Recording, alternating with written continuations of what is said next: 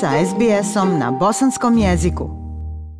Pandemija koronavirusa žestoko je pogodila sektor međunarodnog visokog obrazovanja u Australiji. Više od stotinu hiljada stranih studenta našlo se izvan granica Australije kada je Australija zatvorila svoje granice u februaru 2020. godine, pa novoupisani studenti nisu mogli ući u zemlju. Si Tu Zin je student medicine na Univerzitetu Novog Južnog Velsa. 2019. godine on se preselio iz Mijanmara u Australiju da bi započeo studiranje. Na sreću, zatekao se u Sidneju kada su se granice zatvorile, pa je mogao nastaviti studije, ali neki od njegovih kolega nisu se uspjeli vratiti u zemlju pa neki od njih traže druga mjesta gdje će završiti svoje studije. Most of the international students definitely want to come back as soon as possible, but as we all know it's not possible and won't not be possible uh, for the uh, foreseeable future and they're definitely looking at other options in like either uh, transferring to universities uh, in their home country or abroad like the United States or the UK where the borders are open for international students. Većina stranih studenta žele da se vrate ovamo što je prije moguće, ali kao što znamo, to neće biti moguće neko vrijeme. Oni razmišljaju o drugim mogućnostima, kao što su prebacivanje na fakultete u njihovim državama ili odlazak u Sjedinjene američke države ili Veliku Britaniju, čije granice nisu zatvorene za strane studente.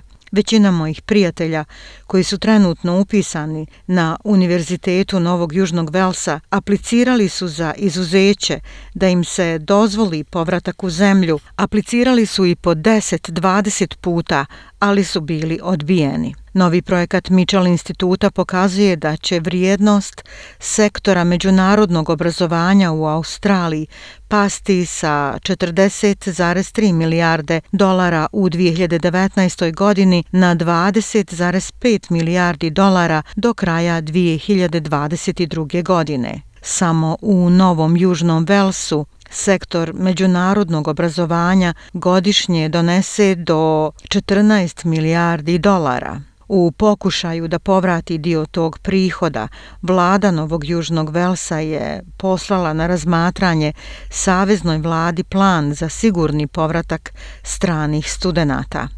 U prijedlogu se navodi da bi stranim studentima ulazak u Australiju bio dozvoljen pod uslovom da provedu karantin u Sidneju na posebno odobrenom mjestu. Premijer Scott Morrison rekao je da savezna vlada zna za taj ambiciozni prijedlog. The premier and I have already discussed these matters um, before and, and they've been working away on this and we've always said that we want to be working with the states and with the sectors about how they can address these issues and, and, we, and we will be working cooperatively with them. There's still a long way from uh, landing this, I should stress. Razgovarao sam sa premijerkom Novog Južnog Velsa o tim pitanjima i mi na tome radimo.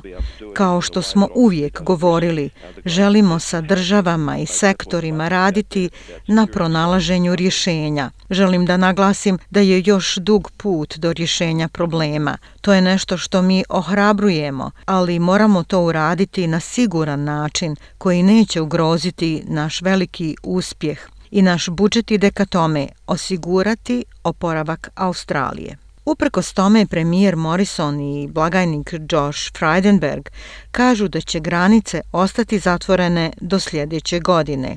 Ovaj prijedlog navodi da bi se za ulazak stranih studenata u Novi Južni Vels uvela posebna kvota, odnosno da to ne bi bilo iz postojeće kvote dozvoljenih ulazaka u zemlju koju koriste australski državljani, povratnici iz inostranstva. Prijedlog Novog Južnog Velsa je nešto što Pamela Gutierrez sa Filipina dugo očekuje.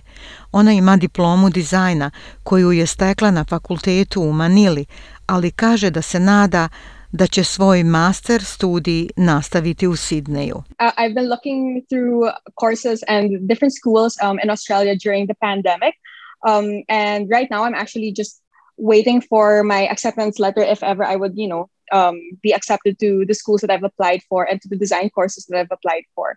Um, however, there are some pros and cons right now to um, just Tokom pandemije tražila sam studije u Australiji. Na nekoliko fakulteta sam se prijavila i sada čekam njihov odgovor. Postoje neke prednosti i nedostaci studiranja online, to jest studiranja na daljinu. Mogućnost online studiranja za mene je dobra zato što za sada granice nisu otvorene, ali voljela bih da radim u laboratoriji i druge vježbe lično i zato se radujem ako se, nadam se, granice otvore da mogu otići u Australiju. Iako je Pamela spremna da čeka da se otvore granice i da studira online, postoje upozorenja da broj stranih studenata neće biti dovoljan da popuni prazninu nastalu zatvaranjem granica Australije. Prema podacima instituta Mitchell, u novembru prošle 2020. godine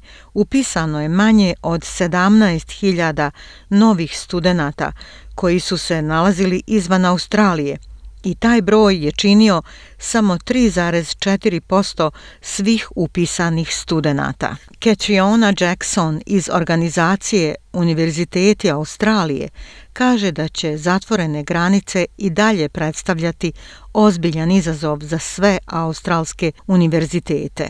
Universities have a very serious revenue challenge. We lost 1.8 billion dollars last year. $2 billion predicted to be lost this year. If we don't have students back from overseas in substantial numbers before the middle of next year, the situation will get worse. No sector can sustain those sorts of losses without real damage, real damage to the nation, real damage to our ability to be productive Univerziteti imaju ozbiljan problem s prihodima. Prošle godine izgubili smo 1,8 milijardi dolara, a predviđa se da ćemo ove godine izgubiti i 2 milijarde. Ako nam se do sredine sljedeće godine ne vrati značajan broj stranih studenata, situacija će se još pogoršati. Nijedan sektor ne može imati tolike gubitke bez ozbiljnih posljedica, bez ozbiljne štete za državu i za našu sposobnost da ostanemo produktivni i da se oporavimo. Sudbina sektora australskog međunarodnog obrazovanja sada zavisi od australske granične politike. Ja sam Aisha Hadži Ahmetović. Ostanite uz SBS radio. SBS na bosanskom. Podijelite naše priče preko Facebooka.